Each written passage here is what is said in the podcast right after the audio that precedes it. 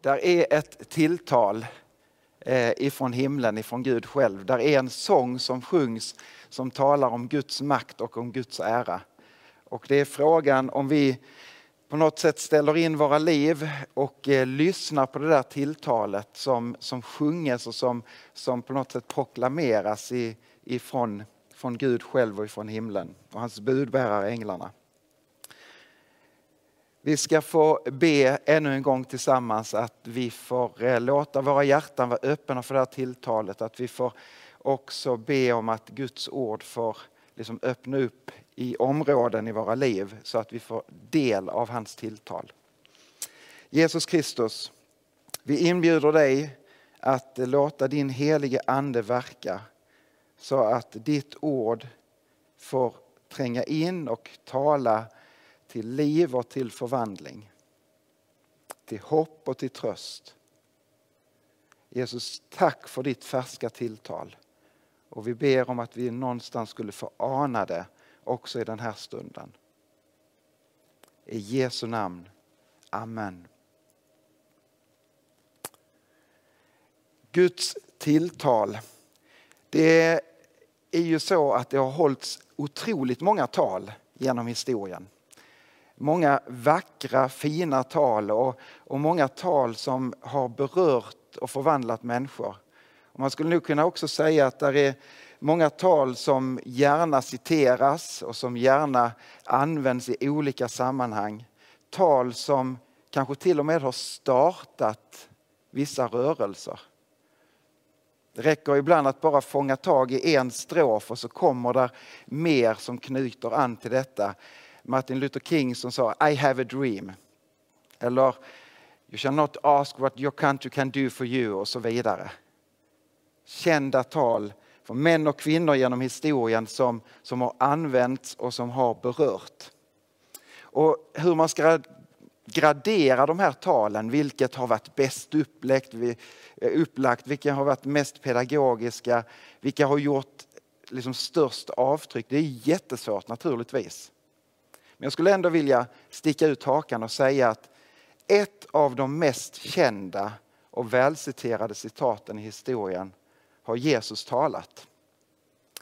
Ett av de här talen, bergspredikan som vi kan läsa som Matteus återger i kapitel 5, 6 och 7 i sitt evangelium.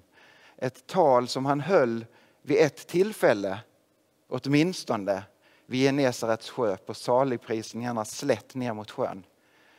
Men det var inte bara ett tal som han höll en gång utan det var en undervisning som han brukade undervisa. Men här återger i alla fall Matteus den här händelsen. Ett, eh, ett tal som har berört och som har citerats. Att det berörde människor då, det kan vi läsa om i avslutningen på kapitel 7. Där står det så här. När Jesus hade avslutat detta tal så var folket överväldigat av hans undervisning. För han undervisade med makt och inte som deras skriftlärda. Här blev människor tagna av Jesu ord. Och så har det fortsatt genom historien. Jag kan inte låta bli att minnas tillbaka när, när eh, våra barn, mina barn, eh, var små och de gick på förskola. Och i entrén i förskolan så hängde där en skylt med eh, orden ungefär så här. Det du vill att andra ska göra för dig ska du också göra för dem. Jag kunde inte låta bli att hugga tag i någon av personalen och lite fascinerat säga, åh vad härligt att ni har ett citat av Jesus så här direkt i blickfånget när man kommer in. Och då, vad, vadå? Jo då, det här är ett citat som bygger på, eller en, en ordalydelse som bygger på Jesu tal ifrån bergspredikan. Matteus 7 och 12 som, som säger att det du vill att andra ska göra för dig, allt vad ni vill att människorna ska göra för er, det ska ni också göra för dem. Det är vad lagen och profeterna säger. Det är från detta tal, från Jesu egna ord, som vi ska få liksom ta en språngbräda i dagens predikan. Och det är de orden som vi kan läsa i Matteus 7 och verserna 15 till och med 20. Där säger Jesus så här. Akta er för de falska profeterna som kommer till er förklädda till får men i sitt inre är rovlystna vargar. På deras frukt ska ni känna igen dem. Plockar man kanske druvor på törnen eller fikon på tistlar så bär varje gott träd bra frukt men ett uselt träd bär dålig frukt. Ett gott träd kan inte bära dålig frukt och inte heller ett uselt träd bära bra frukt. Varje träd som inte bär bra frukt huggs ner och kastas i elden. På deras frukt ska ni alltså känna igen dem. På förskolan hade barnen fruktstund, är jag helt övertygad om, om jag minns rätt. Ändå är jag inte förvånad att det inte är detta ordet och detta, denna delen av Jesu undervisning som hängde på tavlan i, på, på förskolan. Men detta är en del av talet, en del av den undervisning som Jesus brukade dela med, med dem som han mötte. Och det är ett varningens ord. Ett varningens ord för de falska profeterna. Och det var aktuellt då, vid den tiden. Men det har varit på något sätt ord som är aktuella genom alla tider och också fram i vår tid. Akta er för de falska profeterna. Och så talar han om att ni behöver se på vad som, liksom frukten av människors liv. Om det är, liksom bär god frukt eller om det bär dålig frukt. Och han sa ju ofta detta i kontrast till dem som inte ville lyssna på Herren. Jesus fick ju möta många människor när han gick på jorden här. När, när Gud själv hade avstått allt. Han valde att bli som en av oss. Att Gud tar mänsklig gestalt och delar våra förutsättningar. Han möter människor, han undervisar och talar om Guds rike på, på ett mäktigt sätt. Och så ändå möter han människor som inte vill tro. Men han möter också dem som, som får verkligen sina liv förvandlade, som säger vi följer dig, du, du måste vara den levande Gudens son. Men så får också de som många gånger talade om Guds rike och på något sätt försökte leva ett liv som liksom var i samklang med det som de upplevde som en Guds hälsning och ett Guds tilltal.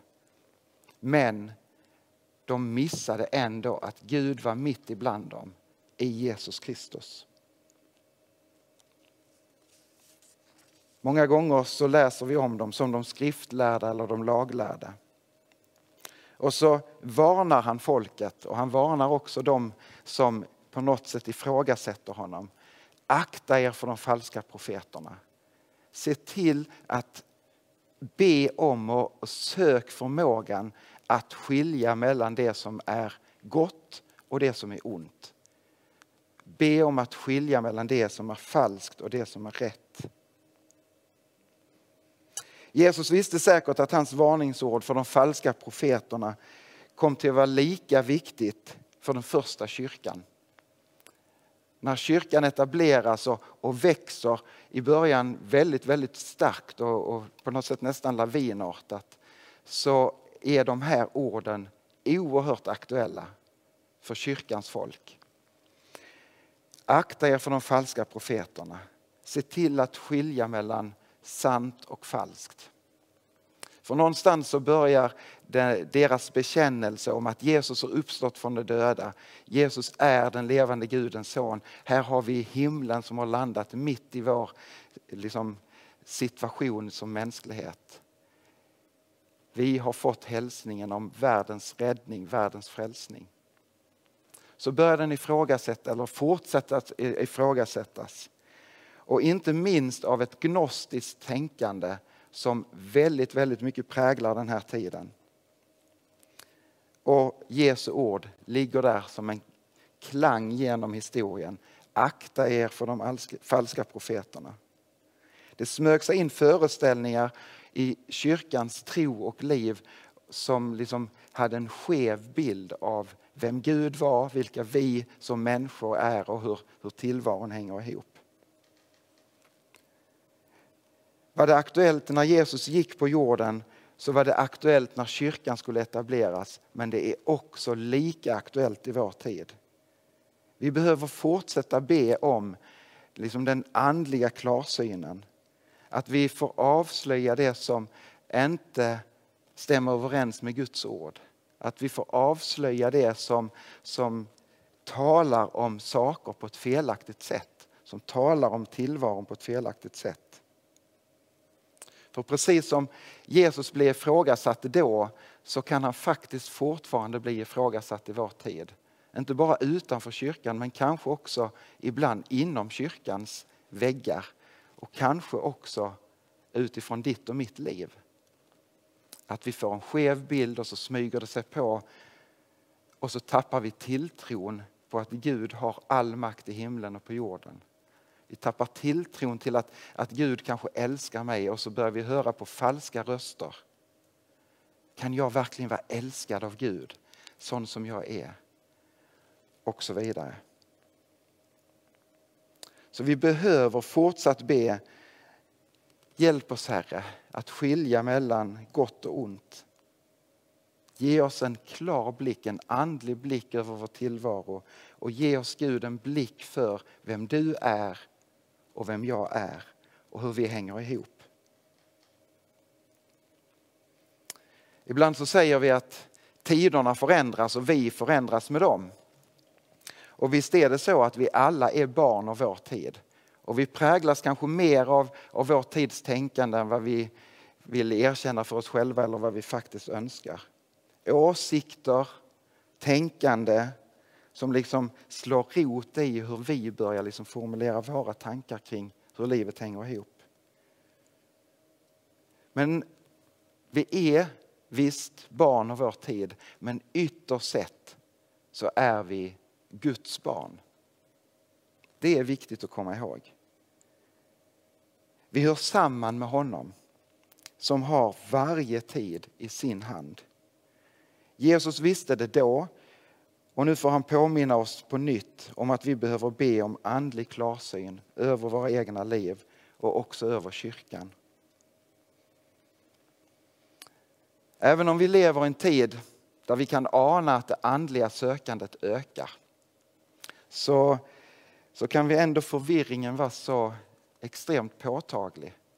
Det florerar väldigt, väldigt många sanningar i vår tid. Och det här tänkandet, det individualistiska tänkandet att, att du skapar din egen sanning, du skapar liksom din egen bubbla där allting utgår ifrån, är så förrädiskt farlig för mänskligheten. Tycker jag. För det kan lätt så in sig den här tanken att var och en blir salig på sin tro. Och där kan visst vara en fin ton i det, men, men hälsningen ifrån himlen är någon annan.